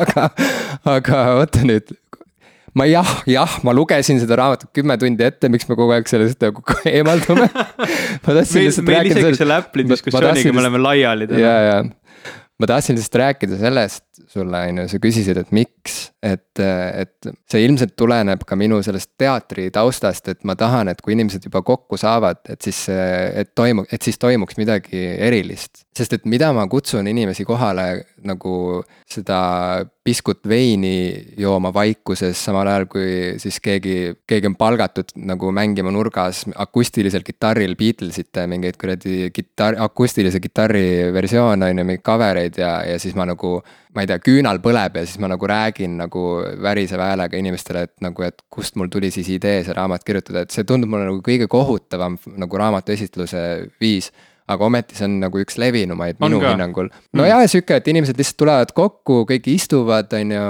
ja siis autor nagu räägib viisteist minutit, keegi küsib talt küsimusi mm -hmm. ja siis mhm. autor räägib nagu selle raamatu tagamaadest. ma pole käinud väga paljudel raamatu esitlustel. no sa ei ole millestki ilma jäänud mm. -hmm kõige ägedamaid raamatuesitlusi teeb Chuck Palahniuk, kes on minu, ma olen siin, siin ja seal öelnud, et tema on minu kirjanduslik isa, on ju. Mhm. see tuleneb sellest, et, et tema tõesti andiski mulle selle viimase tõuke, et ma otsustasin hakata kirjanikuks, otsustasin nagu lihtsalt minna edasi nagu selles valdkonnas ja, ja uskuda sellesse. ja Chuck samamoodi nagu lihtsalt ei viitsi muud moodi, kui ainult nagu jaurates oma raamatuid esitleda. ja nii ongi alati, kui tal nagu teos välja tuleb, siis ta annab mingi ülesande oma fännidele, ta on muidugi nagu noh, selles mõttes nagu best-selling author, et selles mõttes mm -hmm. tema raamatu esitlused ongi natuke nagu need Apple'i üritused, okei okay, yeah., võib-olla noh, mitte nii nagu massiivsed üritused, aga, aga see ootuste horisont jällegi ja see elevus, mis inimestes tekib, kui nad teavad, et varsti, varsti on tulemas tema raamatu esitlus. noh, see on vähemalt, see on mingil määral võrreldav selle Apple'i mm -hmm. elevusega.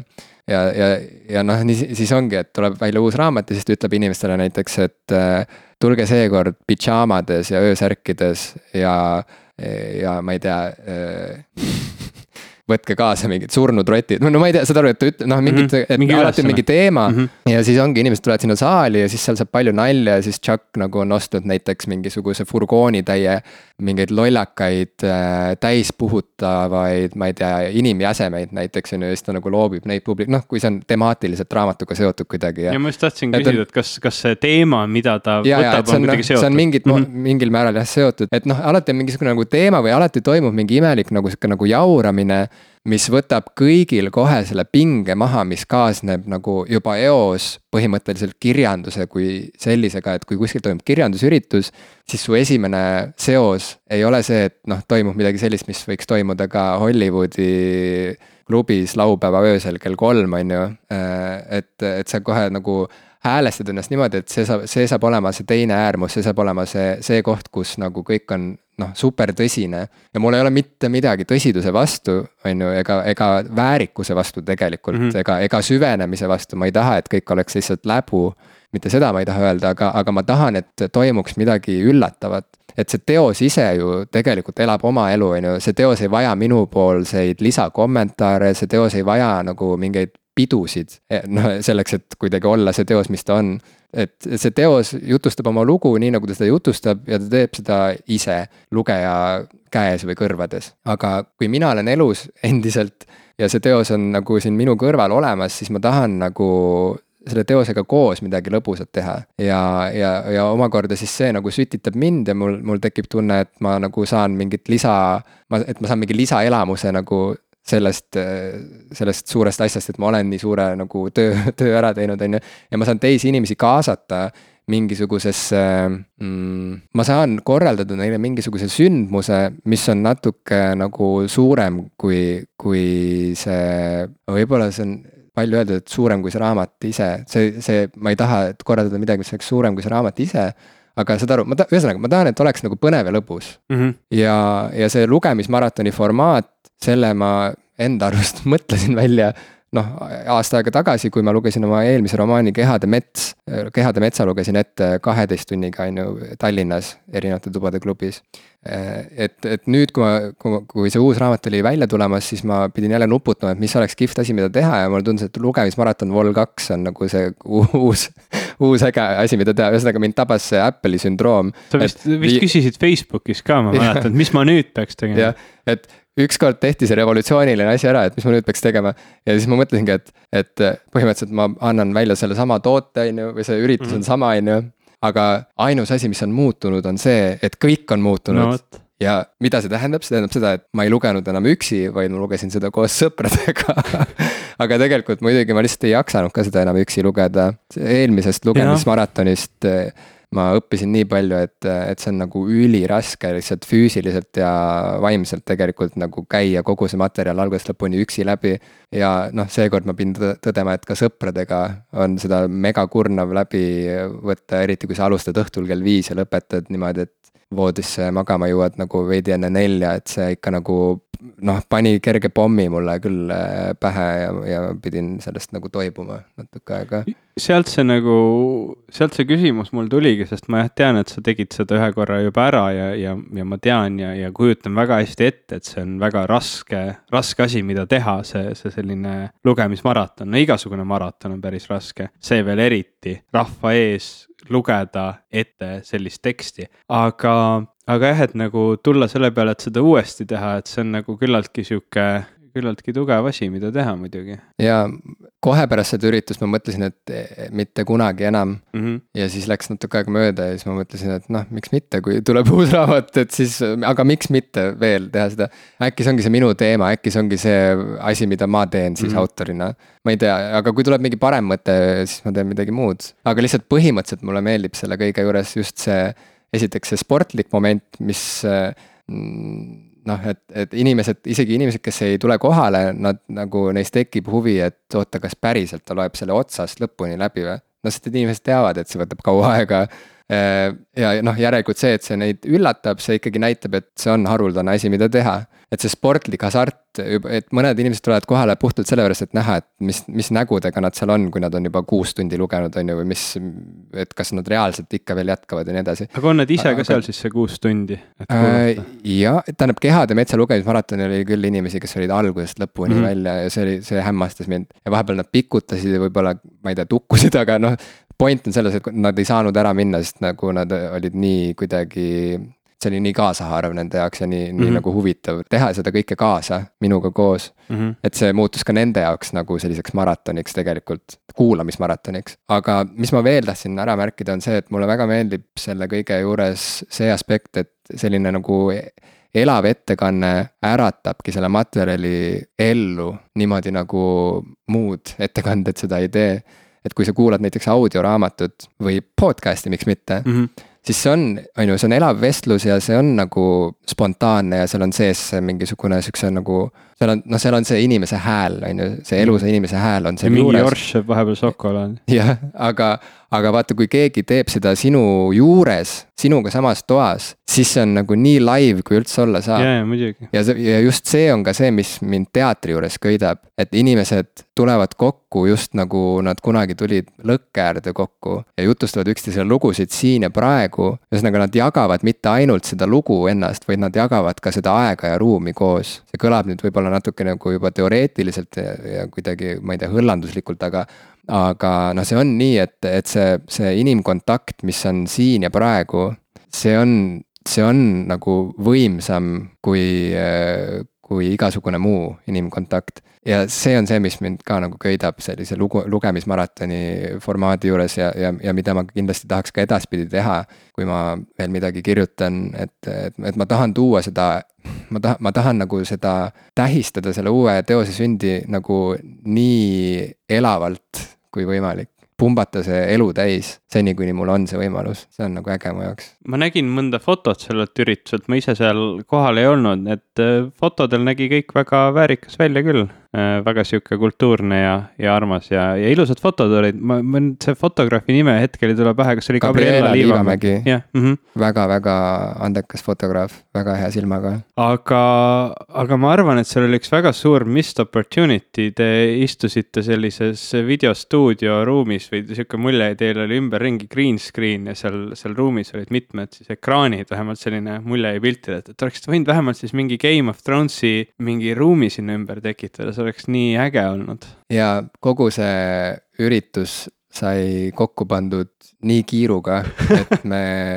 no, lihtsalt võtta. ei saanud sellega mm. tegeleda. ja mulle tegelikult väga meeldis ka see green screen'i või green room'i toorus või sihuke mm. tühjus. ja see nägi väga et, huvitav välja. et meil oli seal tühjas toas lihtsalt äh, laud, mis oli lookas võileivamaterjalist ja ostsin ka paki veini sinna lauale ja siis me lihtsalt istusime seal sõpradega, vahepeal sirutasime, venitasime ennast, vahepeal panime muusika mängima, tantsisime. no lõpp, õhtu lõpuks või, või öösel lõpuks olid kõik lääbakil ikkagi maas, nagu reaalselt inimesed nagu ükshaaval vajusid toolidelt maha, jäid nagu laua alla pikali. siis mingi kass tuli sinna tuppa, ma ei tea, kust see kass sinna sai ja siis see kass käis seal lava peal ringi. vahepeal mu tütar tuli nagu, nägi, et issi, mis sa pikutad, siis tuli, viskas nagu ka pikali kass. mu kõrvale, et me olime seal pikali maas, andsime seda raamatut käest kätte ja nagu roomasime põhimõtteliselt võiduka lõpuni mm.. aga et lõpuks me olime ikka nagu täiesti kapsad, täiesti kapsad. no hoolimata sellest, kui raske see, see nendele esitajatel on, siis ma kujutan ette, et sellele kuulajale kuigi ka algusest lõpuni on seal kindlasti raske olla, siis sellest nagu osa saada, seda kogeda on kindlasti väga lahe ja, ja seetõttu on mul üsnagi kahju, et ma pole ühelegi sinu lugemismaratonile jõudnud ja, ja mida rohkem raamatuid sa kirjutad ja mida rohkem sa näed, kui raske see on, siis võib-olla sa tulevikus enam ei teegi neid. see on võimalik, no tegelikult see on võimalik, et ma seda rohkem ei tee, ma võib-olla tahaks teha ikkagi revolutsiooni, nii nagu Apple tahab iga kord teha revolutsiooni. Mm.. aga nemad tulevad ka iga kord uue telefoniga välja, nii et sa saad siis yeah. iga kord uue lugemismaratoni teha kas sa nagu audioraamatut samal ajal ei taha lindistada või see jääks nagu kuidagi lõpupoole, vajuks asi ära? tegelikult, tegelikult Kehade metsa lugemismaraton on mul audio kujul olemas ja mul on äh, ja see oli ette planeeritud ja mul on mingid mõtted sellega seoses mm., aga ma ei ütle midagi praegu. okei okay., noh Eestis kuidagi neid audioraamatuid vist väga palju ei ole hästi,, hästi-hästi populaarsed raamatud, ma olen nagu täheldanud, et vähemalt nagu seede kujul müüakse. aga on ka vist äh, nägemis, nägemisvaegusega inimestel on, on mingi eraldi andmebaas kuskil, kus on äkki vabatahtlike poolt sisse loetud raamatuid ja selliseid asju, kui oh,. jaa, mõned mu nagu on. isegi mõned mu tuttavad näitlejad käivad äh, lugemas neid mm -hmm sisse, aga, aga siiski valitseb ikka meeletu põud, ma ei saa aru, miks keegi ei ole veel, okei okay,, tegelikult ma tean, miks keegi ei ole nagu Eestis populariseerinud audioraamatuid, miks keegi ei ole tekitanud mingit striimimisteenust, mis keskenduks nagu eesti kirjanduse helindamisele mm. -hmm. Neid kuulajaid on lihtsalt ilgelt vähe, ma olen lugenud artikleid selle kohta, et millised on inimeste lugemisharjumused, et, et, et mis platvormidel inimesed nüüd loevad, sest valikuid on nüüd rohkem kui varem.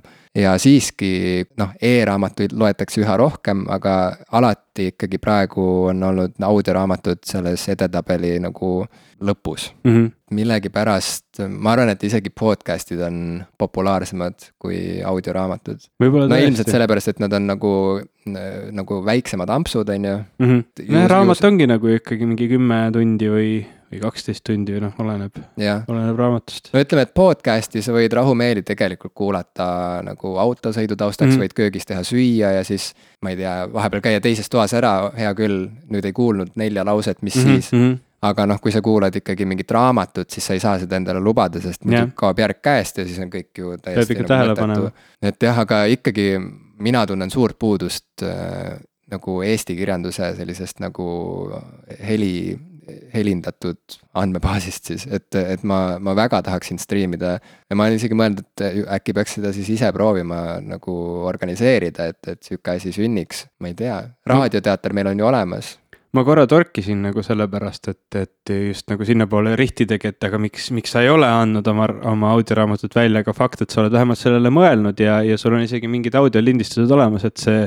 Eh, siis mõtlesin, ma rohkem ei torgi, et tegelikult see on juba päris pädev mm. -hmm ma ei teagi, kuhu siit edasi liikuda, meil on väga. ikka edasi, tulevikku. tulevikku liikuda. One more thing. Coldplay Coldplay jah. ühesõnaga, miks sa tahtsid Coldplayst rääkida, sest minu jaoks Coldplay on, on ääretult igav bänd. mul on isegi natuke kahju, sest, sest äh, nendel on väga kihvte poplugusid ja, ja ma, mulle on mingid lood väga meeldinud ja ma tahaks, et nad meeldiks mulle rohkem, sest see poleeritus ja, ja kõik on nagu väga tasemel aga iga kord, kui ma neid kuulan, ma lihtsalt mõtlen sellele, et see mitte kuidagi ei tõmba mind kaasa, see on lihtsalt igav. väga tore, et sa nii ütled, mina nii ei arva mm, -hmm. aga see on väga hea koht, kust alustada seda diskussiooni mm. -hmm. et me oleme eriarvamustel, me nii sageli tegelikult ei ole üldse nagu niimoodi risti vastupidistel arvamustel ja ja me nagu väga ei tülitse siin.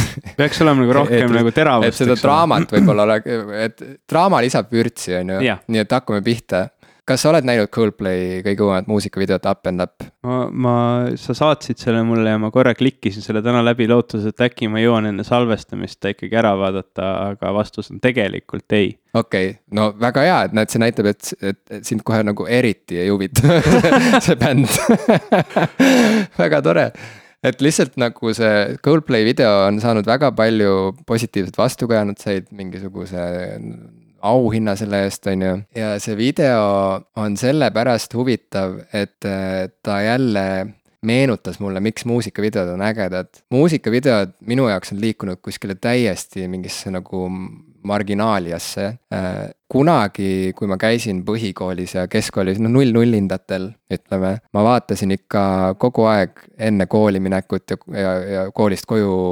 kui, kui ma olin koolist koju jõudnud, siis ma nagu panin muusikakanali mängima, on ju. oli see siis Viva või Viva kaks või MTV või VH1.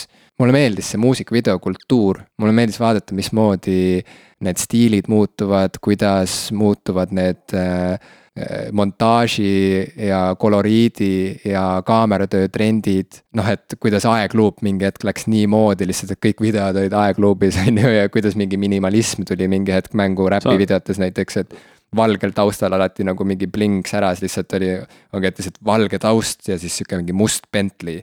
Ja siis jälle valge taust ja siis keegi nagu näitab oma neid plaatina kattega hambaid, on ju, et kõik on nagu sihuke üliminimal ja puhas ja aegluubis ja noh, et kuidas see kõik nagu noh. et seda oli nagu tore jälgida. oota, sa vaatasid sellise analüüsiga seda, ma ei tea, mingi põhikoolis, keskkoolis või?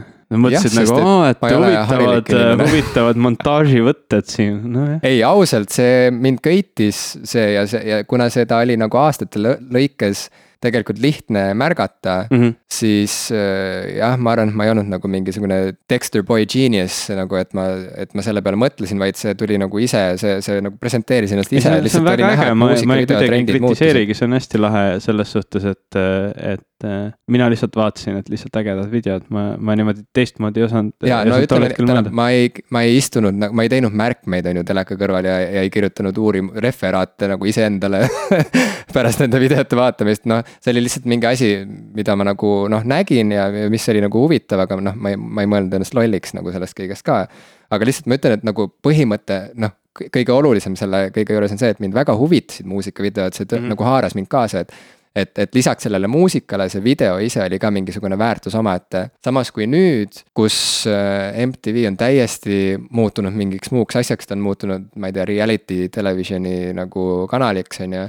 Äh, ja Youtube on äh, põhimõtteliselt nagu monopoli seisus peaaegu, äh, mis puudutab siis videomeedia levitamist. no statistilises mõttes Youtube on muusikakanal, kus on vahel ka mingid vlogid. jah, noh. enamus et... vaatamisi, enamus Youtube'ist on muusika jah, aga vaata inimest, inimesed ju ka väga palju lihtsalt nagu kuulavad muusikat Youtube'ist mm, -hmm. nad mhm. ei vaata nagu neid videoid mm -hmm. nii pühendunult. Nad ei pruugi seda teha, ühesõnaga. jah, okei okay,, niimoodi vaadati ka musakanaleid kunagi te televiisorist, et nad ei pruukinud alati jõllitada seda ekraani, on ju, et see oli nagu raadio asemel seal toas. aga no siiski, et, et vaadates seda Coldplay videot, mis on lihtsalt tehniliselt äh, nii äge ja leidlik. no vaata see ära, ma ei hakka lahti seletama, mis seal toimub. ei no ma, ma saan aru küll, mis seal toimub, seal see... olid võetud väga väike, tava, asjad, mis on tavaliselt väga väikesed, tehtud nad väga suureks ja asjad, mis on väga suured, kõrvale pandud väga väiksena, ehk siis see tekitas siukse sihukese huvitava aspekti, kus äh, trummar oli sama suur kui maakera ja mängis seal terve kontinendi peal ja nii edasi, et. nojah, et seal oli miksitud kokku mingeid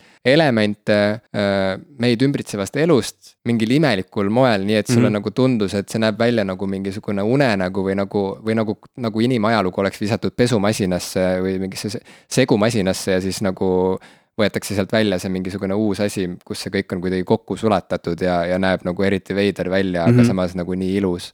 et ta on mõnes mõttes lihtsalt video sellest, et kui minu arust see video meenutab vaatajale eluimet. see video meenutab meile, et me oleme fantaseerivad olendid ja seda, et tegelikult Ähm, jah, jah, et me oleme fantaseerivad olendid ja see on tegelikult nagu väga oluline võti mõistmaks seda, mismoodi inimesed üldse nagu eluga ja maailmaga suhestuvad.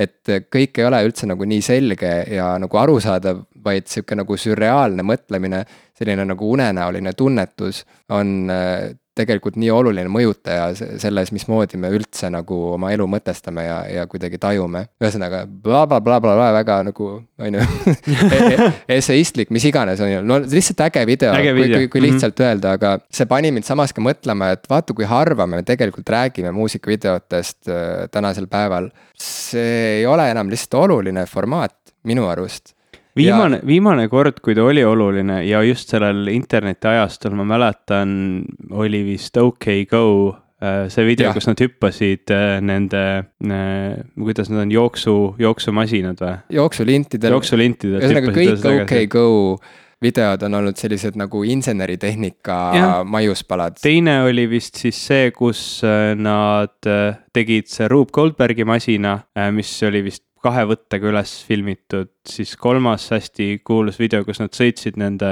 elektriliste üksratastega ringi ja tegid trikke ja kolmas vist oli äh, nagu nullgravitatsiooniga filmitud kuidagi vist mm -hmm. või, või neljas. Nad hõljusid. jah, et, et nendel on olnud väga, väga huvitavad videod, aga see esimene oli kuidagi selline. noh, see esimene tegelikult on see, mis neil on see kõige kuulsam, kõige tuntum, see, mida kõik teavad ja, ja. see, mis nagu kuidagi murdis selle, selle videoformaadi või muusikavideo formaadi yeah. internetti. noh muidugi just, varem oli yeah. ka internetis neid videosid, aga see oli kuidagi sihuke, seostus nii hästi interneti meemlusega ja kõige sellega, mis seal ümber on yeah.. et, et see kuidagi nagu tõsiselt äh, raketina lendas järsku üles. ja, ja OK Go puhul on huvitav see, et see muusika ise on nagu täiesti iseloomutu. ja nagu ebaoluline, mida ma ütleks. ma ei suudaks ühtegi OK Go ma ei suudaks meenutada ühtegi OK Go meloodiat mm. näiteks, aga need videod on nagu väga hästi mul meeles. mul ei tule selle loo nimigi meelde, kus nad hüppasid ühelt indilt no, teisele. täpselt. vot no, see on isegi nii, nii hull. et see on nagu jällegi huvitav, et nende puhul see video, nende videote leidlikkus ja ägedus on lihtsalt nii palju huvitavam kui nende muusika aga äh, meie saade on ju keskendub popkultuurile, me räägime, me katsume katta nagu erinevaid valdkondi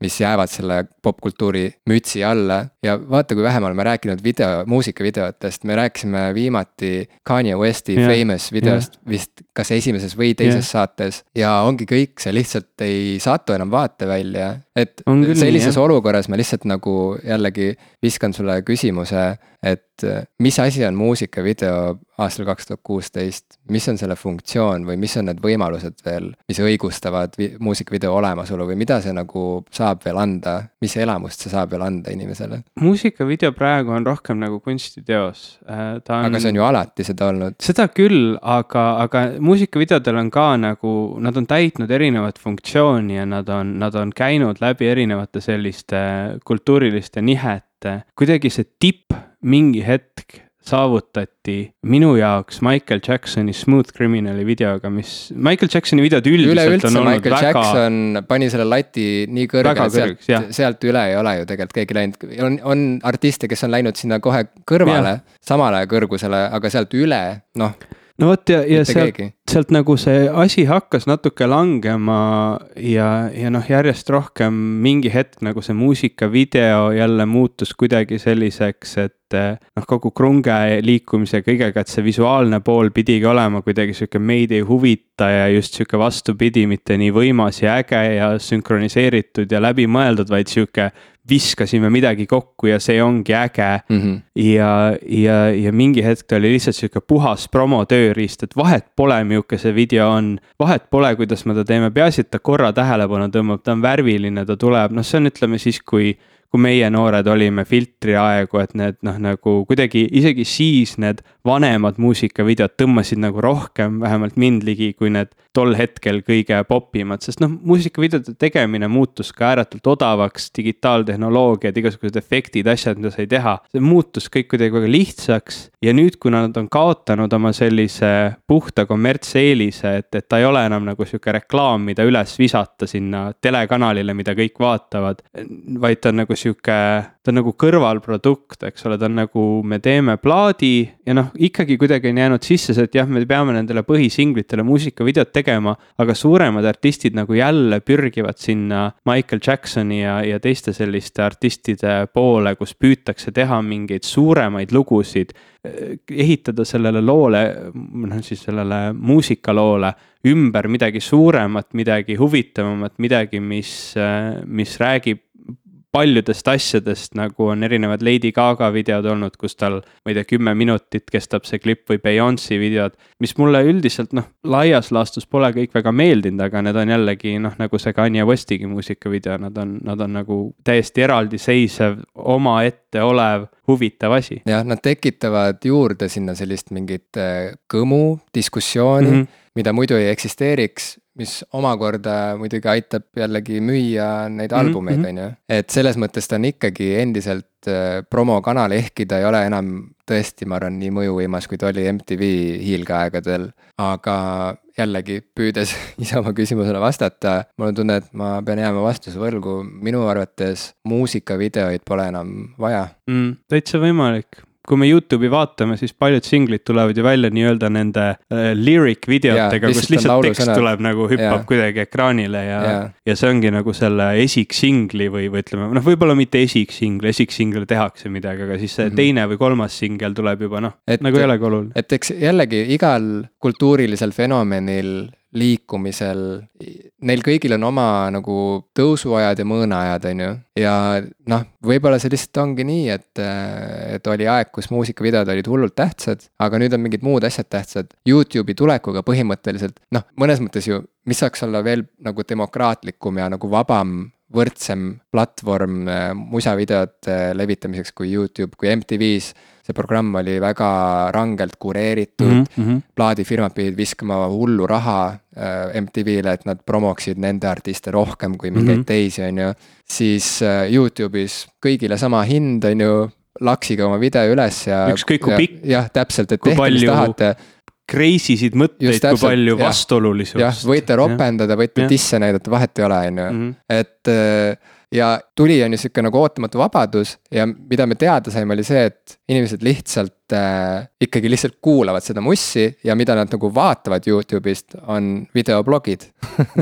On ju, et, et, et Youtube osutus palju nagu vajalikumaks hoopis sellises videobloginduse äh,, videobloginduse formaadi jaoks sisuliselt küll, kuigi eks muusika, noh, suuruselt on muusika ikkagi Youtube'i number üks, kaks, kolm, neli, noh, ma ei tea, ja nii edasi, et see, seal see üks protsent on need videoblogid või, või umbes mm. niimoodi, et noh, et ütleme volüümilt see, mis Youtube'ile raha toob, on ikkagi see muusika. aga need videod võib-olla tõesti ei olegi enam üldse nii olulised, sest ta ongi peaaegu nagu muusika striimimisteenus, sa lihtsalt paned ta mängima. ja noh, meil on ju neid huvitavaid asju vahepeal veelgi olnud, kasvõi Gangnam Style, mis, mis oli jällegi sihuke korra sihuke hetkeline fenomen, mis, mis ja. kadus, aga seal jällegi see video polnudki nagu nii oluline, see lugu ise kuidagi. tähendab, seal oli oluline see, et, oli... et kõik rääkisid sellest ja, ja kõik vaatasid ja, ja see video ise tõesti oli nagu mis iganes, noh.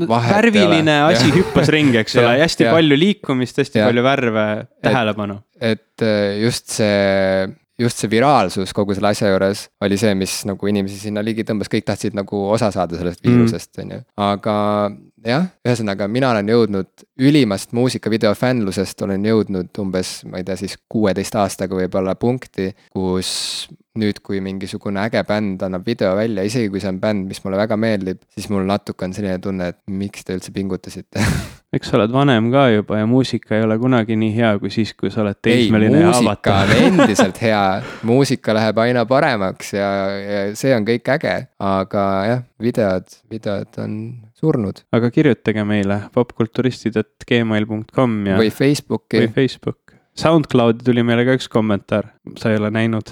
ei ole näinud, ma, ma lähen vaatan ja endiselt on võimalik teil liituda ka meie Patreoni lehega patreon.com kaldkriips popkulturistid. kui te tahate liituda meie kambaga, tahate investeerida meie šokolaadist matsuvatesse suudesse. järg-, ma järgmine kord ei söö šokolaadi, kui Jim mulle ei too šokolaadi. aitäh, kuulmiseni, järgmine kord tuleb revolutsioon